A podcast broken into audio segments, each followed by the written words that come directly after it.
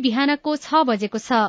सामुदायिक सूचना नेटवर्क सीआईएनबाट अब प्रसारण हुँदैछ साझा खबर।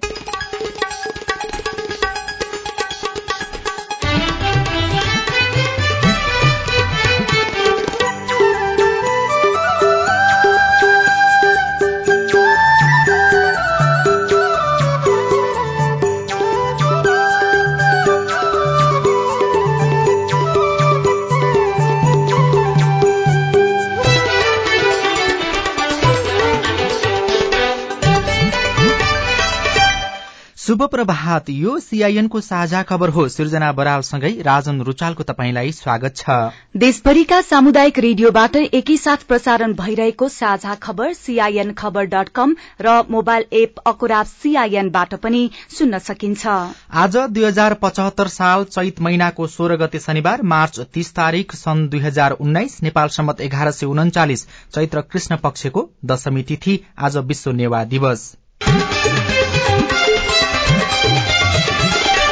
साझा खबरमा प्रमुख खबरका शीर्षकहरू। लगानी सम्मेलन शुरू विदेशी लगानीकर्ता फकाउँदै सरकार र निजी क्षेत्र ढुक्क भएर लगानी गर्न प्रधानमन्त्री ओलीको आग्रह। प्रदेश दुईमा एसई परीक्षा स्थगित शैक्षिक संस्था प्रहरी र स्थानीय तहमा नक्कली प्रमाण पत्रको बेबिगी निजी विद्यालयमा चरम बेथिति मनपरी शुल्क बढ़ाउने होड। पाँच थरको कुम्माय गाउँपालिकामा खानेपानीको समस्या समाधान हुँदै स्थानीय सरकारबीच विकास निर्माणको काममा सहकार्य। नेपालगंजका मुस्लिम समुदायमा ढाका टोपीको मोह। बंगलादेशको एक भवनमा भएको आगलागीमा परि मृत्यु हुनेको संख्या पच्चीस पुग्यो। भेनेजुलाका विपक्षी नेता गुआइडोलाई पन्ध्र वर्षसम्म सार्वजनिक पद धारण गर्न रोक। र आठौं राष्ट्रिय खेलकुद प्रतियोगिता वैशाख पाँच गतेदेखि शुरू हुने। शहीद स्मृति राष्ट्रिय फुटबलको उपाधिका लागि दाउफिन्स र आयोजक मकवानपुर एघार भिड्दै।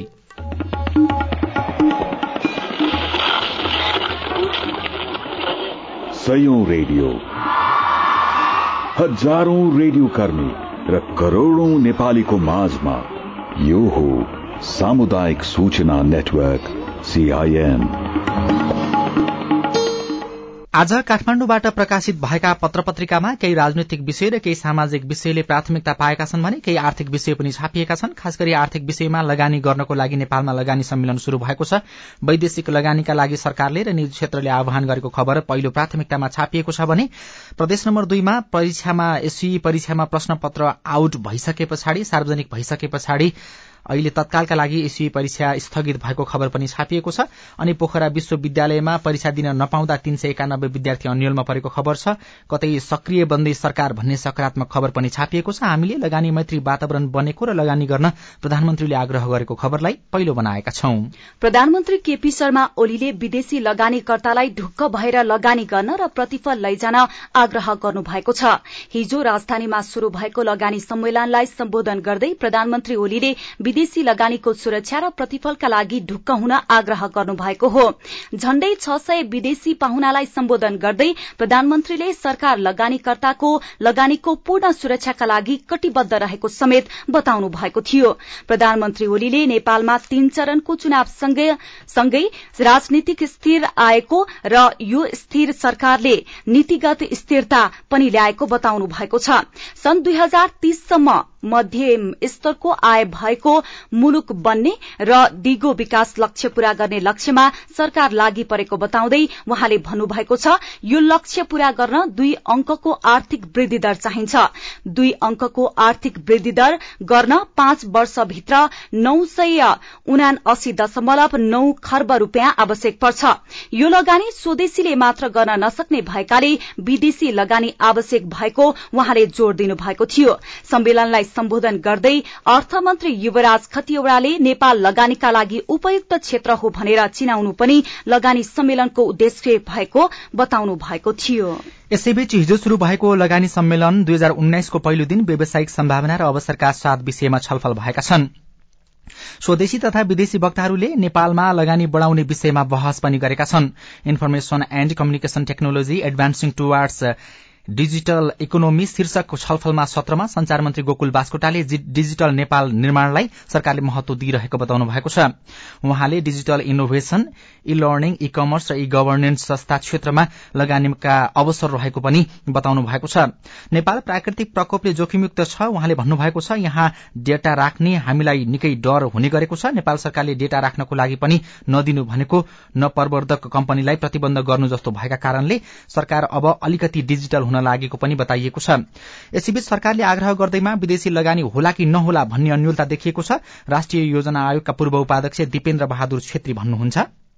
यस पटकको उपस्थिति विदेशी तथा स्थानीय लगानी सम्भावित लगानीकर्ताहरूको उपस्थिति सरकारले सम्हाल्नै नसक्ने किसिमबाट उम्लिएको देखिएछ किनभने देशकै उद्योग मन्त्रीले ठाउँ पाउनु भएन भन्ने भएपछि उपस्थिति चाहिँ असाध्यै आशा गरे भन्दा नि बढ्ता भएछ भन्ने कुरो एउटा मान्नु पर्यो। अनि दोस्रो कुरो सामान्य प्रधानमन्त्रीले नेपालमा कुनै पनि किसिमको तपाईँहरूले शङ्का गर्नुपर्ने गर्नुपर्ने केही पनि खण्ड छैन। लगानी गर्नुहोस् भनेर खुला दिलले आह्वान गर्नुभयो। यी सबै हामीले प्रतिज्ञा गरेका कुराहरूलाई अनुवाद गरेर व्यवहारमा नै यी सबै कुरा दिन सक्छौ भन्ने ग्यारेन्टी फेरि नेपाल सरकारले लिनुपर्ने अवस्था चाहिँ रहन्छ। सरकारले आह्वान गरे अनुसार लगानीकर्ताहरू चाहिँ कतिको सकारात्मक होलान् र उनीहरूले प्रतिबद्धता जनाए अनुसार फेरि फर्केर लगानी गर्ने वातावरण कतिको राख्लान् यहाँले के देख्नुहुन्छ?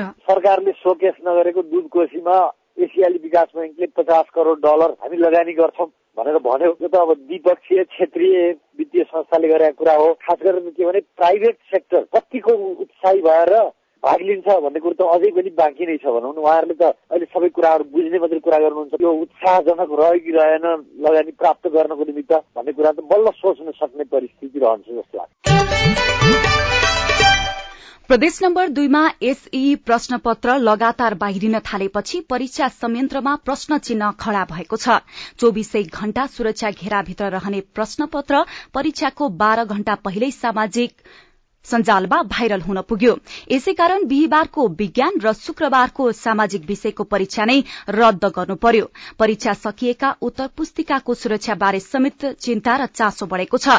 शिक्षा मन्त्रालयले हिजो साँझ पत्रकार सम्मेलन गरेर उक्त प्रदेशका शनिबारदेखिका परीक्षा स्थगित गर्न राष्ट्रिय परीक्षा बोर्डलाई निर्देशन दिएको छ।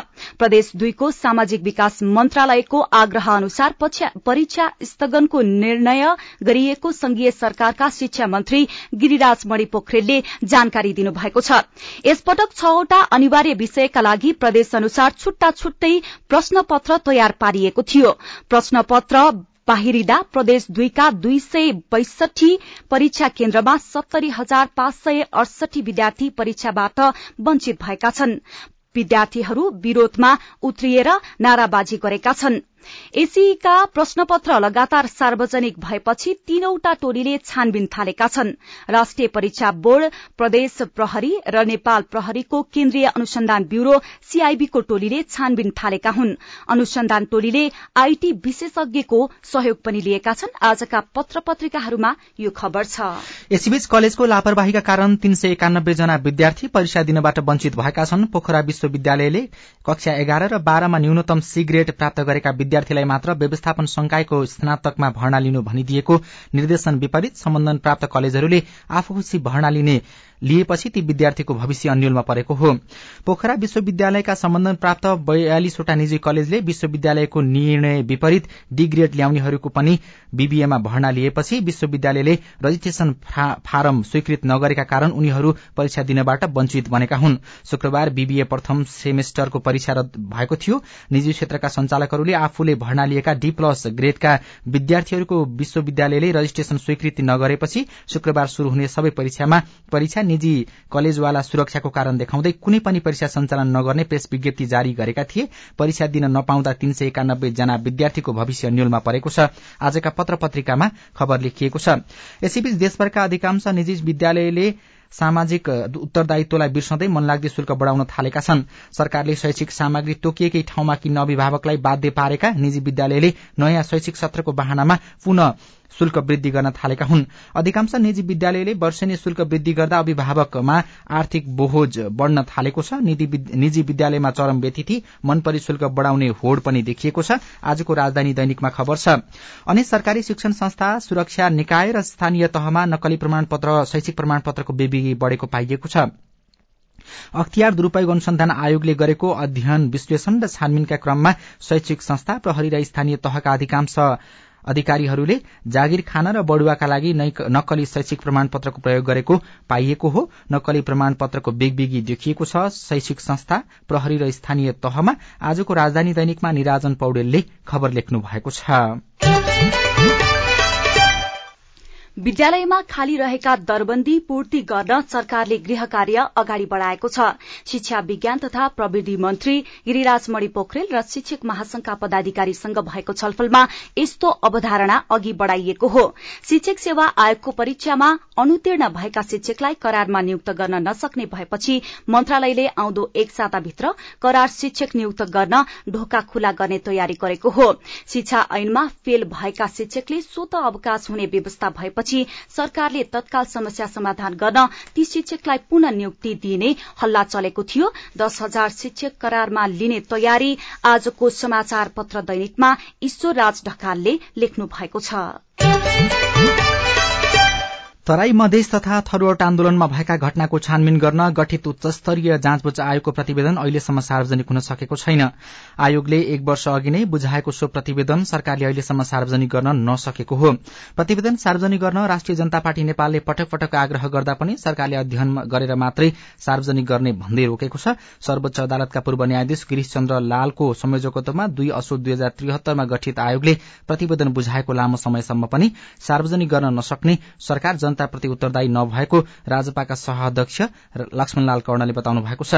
प्रतिवेदन सार्वजनिक गरेर दोषीलाई कार्यवाही गर्न तथा पीड़ितलाई क्षतिपूर्ति दिन आफूहरूले पटक पटक आग्रह गर्दा पनि सरकारले व्यवस्था गर्नुले सरकारले व्यवस्था गर्नुले सरकार जनता र संसदप्रति नै जवाफदेही नभएको उहाँले बताउनु भएको छ। सार्वजनिक हुन सकिन लाल आयोगको प्रतिवेदन अध्ययनका नाममा टार्दैछ सरकार। आजको राजधानी दैनिकमा सबिन शर्माले खबर लेख्नु भएको छ।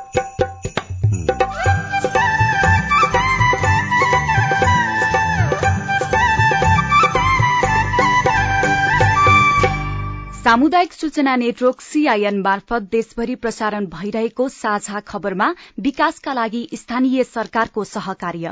एक्लो राम के काम भने जस्तो हामीले अब समन्वयको कुरोमा अगाडि जानुपर्छ। पाँच थरको कुम्मायकमा खानेपानीको समस्या समाधान हुँदै नेपालगंजका मुस्लिम समुदायमा ढाका टोपीको मुह लगायतका खबर बाँकी नै छन्। सीआईएनको साझा खबर सुन्दै गर्नुहोला। बालबालिकालाई माया गरौं उनका कुरा सुनौ। कसैबाट पनि बालबालिकामाथि हिंसा दुर्व्यवहार हुन नदिऊ बालबालिकालाई श्रममा होइन विद्यालयमा पठाउ। कहीँ कतै पनि बाल अधिकारको उल्लंघन भएको छ भने त्यस्ता घटना नलुकाऊ उजुरी गरौं। बाल बालिकाको संरक्षण गर्नु तपाईँ हामी सबैको दायित्व हो। बाल बालिकालाई सबै प्रकारका हिंसा र शोषणबाट जोगाउन आजैबाट सहकार्य गरौं। नेपाल सरकार। महिला बाल बालिका तथा ज्येष्ठ नागरिक मन्त्रालय र केन्द्रीय बाल कल्याण समिति। प्रमाण पत्र दितो राख्न मिल्छ।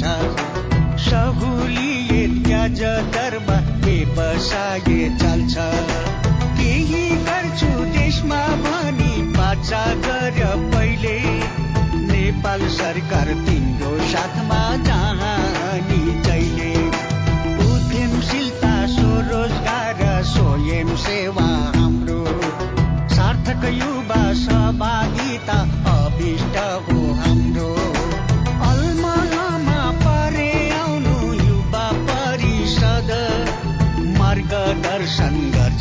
यसले युवालाई तब सकारात्मक सोच हामीले सधैँ राख्नु पर्छ समृद्ध र सुखी नेपाल बसे नै बन्छ।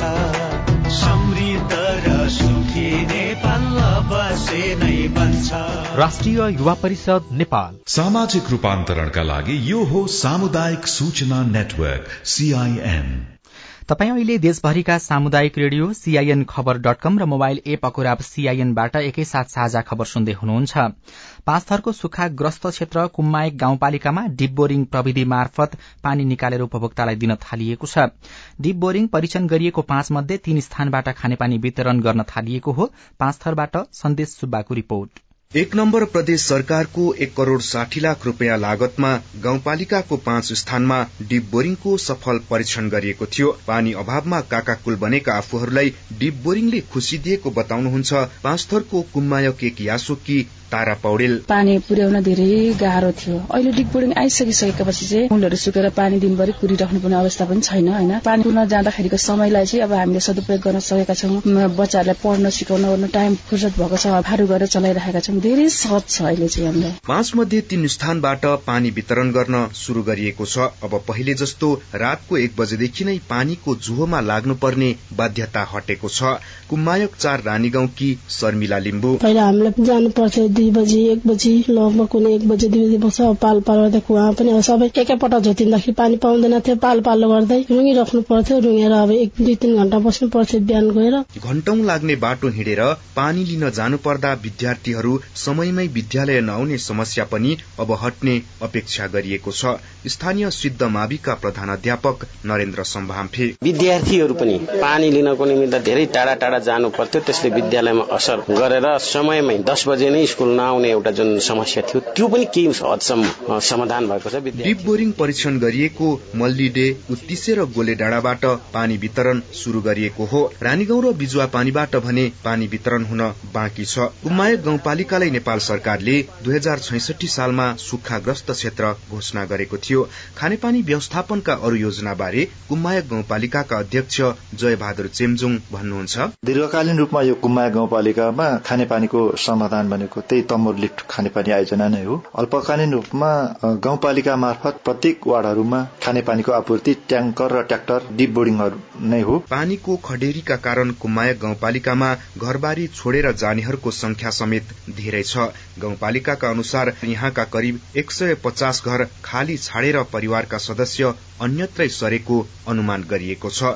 सन्देश सुब्बा सीआईएन सुम्हालुङ एफएम पाँच थर पाँच थरपछि अब धनकुटाको प्रसंग। धनकुटाको छथर जोरपाटी गाउँपालिका मजुवा र नामजाङका किसानले तरकारी उत्पादनबाट राम्रो आमदानी गरिरहेका छन्। बेमौसमको समयमा पनि हरिया तरकारी फलाउने किसानको जाँगर लोभलाग्दो छ। विदुर खवासको रिपोर्ट। मजुवा र नामजाङ गाउँ आलु बन्दाकोपी र काउली उत्पादनका लागि प्रख्यात छ। अहिले किसानका बारीमा राएको साग र मटरकोसा पनि उत्तिकै छ।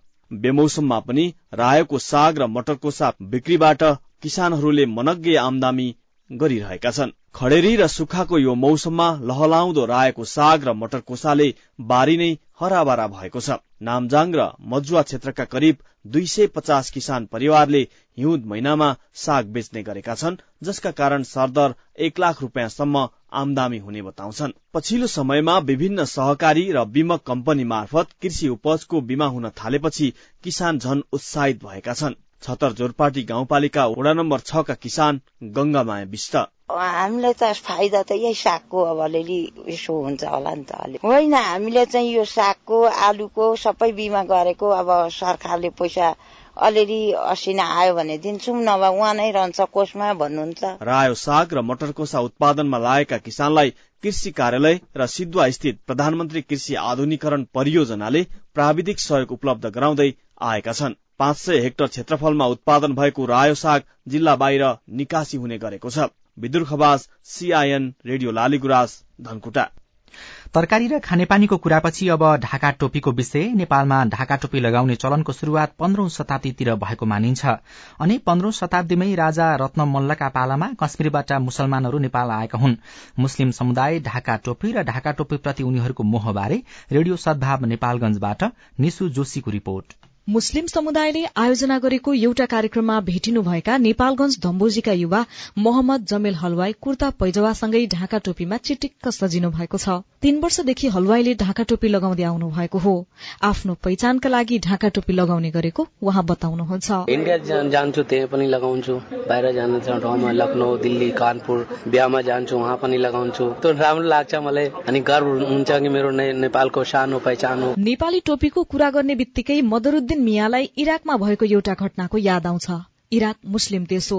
तर ढाका टोपी लगाएकै कारण त्यहाँ पुगेका नेपालीले आफूलाई नेपाली भनेर चिनेको खुशी हुँदै सम्झनुभयो। छ महिना अगाडि इराक गएको थिएँ। त्यति बेला मैले नेपाली ढाका टोपी नै लगाएर यहाँबाट गएँ। पुरा इराक चाहिँ घुमेँ म तर त्यो टोपी मैले कहिले निकालेँ त्यहाँको मान्छेले त खास केही भनेन तर नेपालबाटै गएकाहरू एयरपोर्टतिर कतै कतै भेटिँदाखेरि मसँग भेट्न आए। अनि उनीहरू मसँग आएर तपाईँको घर कहाँ हो के हो कहिले आउनु भएको के कामले आउनु भएको यी सबै कुराहरू मैले त्यहाँ सेयर गर्न पाएँ। त्यही ढाका टोपीले गर्दा नेपालगंजका मुस्लिम समुदायले टोपीलाई नेपाली पहिचानसँग जोडेर हेर्ने गरेका छन्। त्यसैले यहाँका मुस्लिम समुदायले ढाका टोपीलाई महत्व दिएका हुन्। कार्यक्रम समारोह र पार्टीमा मात्र नभई घर पसल तथा बाहिरी देश जाँदा पनि उनीहरूको शिरमा ढाका टोपी छुट्दैन।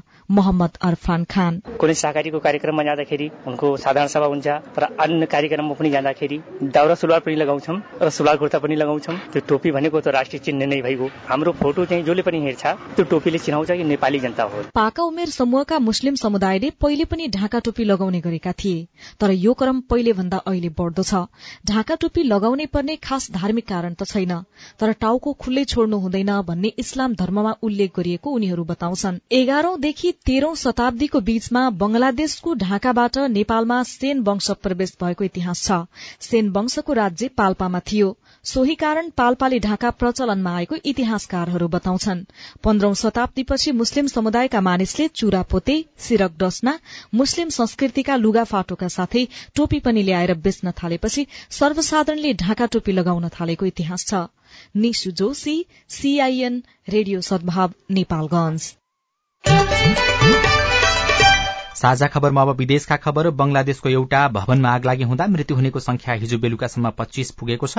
अग्नि नियन्त्रकहरूले भवनभित्र अरू मानिस पनि हुन सक्ने भन्दै खोज तलास गरिरहेका छन्। राजधानी ढाका स्थित बाइस तल्ले एउटा भवनमा गएको बिहिबार अपरान्न आग लागि भएको थियो। र भेनेजुएलाका विपक्षी नेता खुबान गुयाडोलाई पन्ध्र वर्षसम्म सार्वजनिक पद धारण गर्न रोक लगाइएको छ। उनीमाथिको प्रतिबन्ध भेनेजुएलाको कानून अनुसार सबैभन्दा बढ़ी हो। महालेखा नियन्त्रक एभिल्स ओमारोसले गुवाइडोको आर्थिक विवरणहरू अस्वाभाविक देखिएको भन्दै सरकारी निर्णयको बचाउ छ। खबरमा अब एउटा खेल खबर आठौं राष्ट्रिय खेलकुदको आयोजना मिति घोषणा भएको छ। राष्ट्रिय खेलकुद परिषद राखेप को हिजो नेपालगंजमा बसेको बोर्ड बैठकले प्रदेश नम्बर पाँचमा हुने राष्ट्रिय खेलकुद वैशाख पाँचदेखि एघारसम्म गर्ने निर्णय गरेको हो। मंगिरमा हुने तय गरिएको प्रतियोगिता त्यसपछि माघ र अहिले वैशाखको नयाँ मिति घोषणा गरिएको बताइएको छ र दोस्रो संस्करणको शहीद स्मृति राष्ट्रिय फुटबलको उपाधिका लागि क्यामरूनी क्लब डाउफिन्स र आयोजक मकवानपुर एघार आज प्रतिस्पर्धा गर्दैछन्। फरक फरक जिल्लाका स्थानीय सरकार मिलेर विकास रेडियो रिपोर्ट स्वस्थ जीवनशैली सम्बन्धी सन्देशहरू खबर र कार्टुन पनि बाँकी नै छ। साझा खबर सुन्दै गर्नुहोला।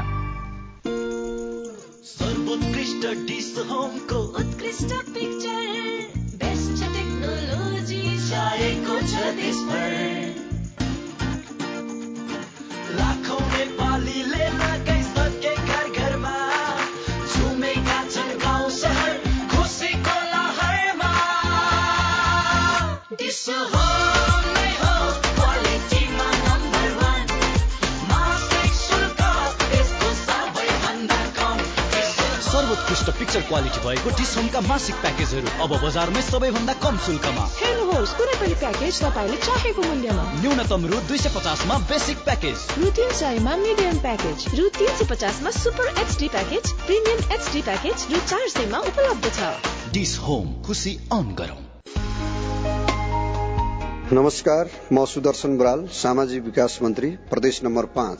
आफ्ना सन्तान पढी लेखी आफ्नै खुट्टामा उभिएको हेर्ने हरेक आमा बुबा र अभिभावकको सपनाले समृद्ध नेपाल सुखी नेपालीको अभियानमा टेवा पुग्दछ। तर सानै उमेरमा आफ्ना सन्तानको विवाह गरिदिएर कैयौं बालबालिका समयभन्दा अघि नै विभिन्न स्वास्थ्य समस्या ऋण र जिम्मेवारीको भारी बोक्न बाध्य हुने गरेका छन्। तसर्थ बीस पछि बिहे अभिभावकले दिए अभियान गाउँघरबाट चलाउनु पर्दछ। धन्यवाद। सामाजिक रूपान्तरणका लागि यो हो सामुदायिक सूचना नेटवर्क सीआईएन साझा खबरमा अब स्थानीय सरकार बीच सहकार्यको कुरा। विकासलाई प्रभावकारी बनाउन बागलुङ र गुल्मीका स्थानीय तहले सहकार्य गर्ने भएका छन्। गुल्मी र बागलुङका छवटा स्थानीय तहले विकास निर्माणका काममा साझा धारणा बनाएर अगाडि बढ़ने सहमति गरेका हुन्।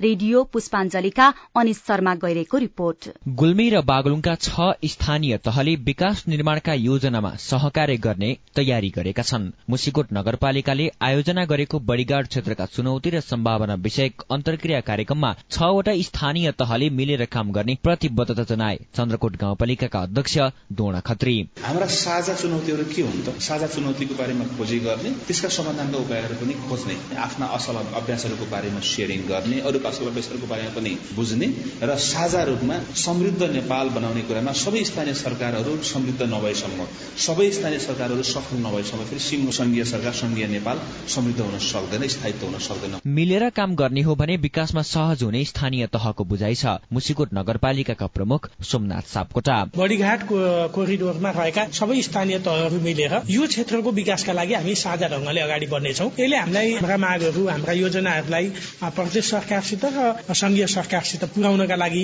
ठूला आयोजनाहरूलाई मद्दत पुग्नेछ भने साना आयोजनाहरूमा पनि हामी मिलेर एक आपसमा कसरी अगाडि बढ्ने भन्ने कुरालाई चाहिँ हामीलाई सहजता प्राप्त हुनेछ जस्तो हामीले प्राविधिक शिक्षाको कुरा गरेका छौँ। फोहोर व्यवस्थापनको कुरा गरेका छौँ पर्यटन विकासको कुरा गरेका छौँ यस्तोमा चाहिँ हामी एक्लैले गरेर यी कुराहरू चाहिँ अगाडि बढ्न सक्दैनन्। साझा ढंगले अगाडि बढियो भने यो क्षेत्रका यस्तो कुराहरूको विकासमा चाहिँ राम्रो सम्भावना छ। स्थानीय तहले विद्युत निर्माण राफ्टिङ प्याराग्लाइडिङ लगायत शिक्षा र स्वास्थ्यसँग सम्बन्धित अन्य योजनाहरूमा सहकार्य गर्नेछन्। यसका साथै होमस्टे पदमार्ग केबल कार तथा कम्तीमा सय सयको हस्पिटल बनाउन सामूहिक पहल गर्ने स्थानीय तहबीच सहमति पनि भएको छ।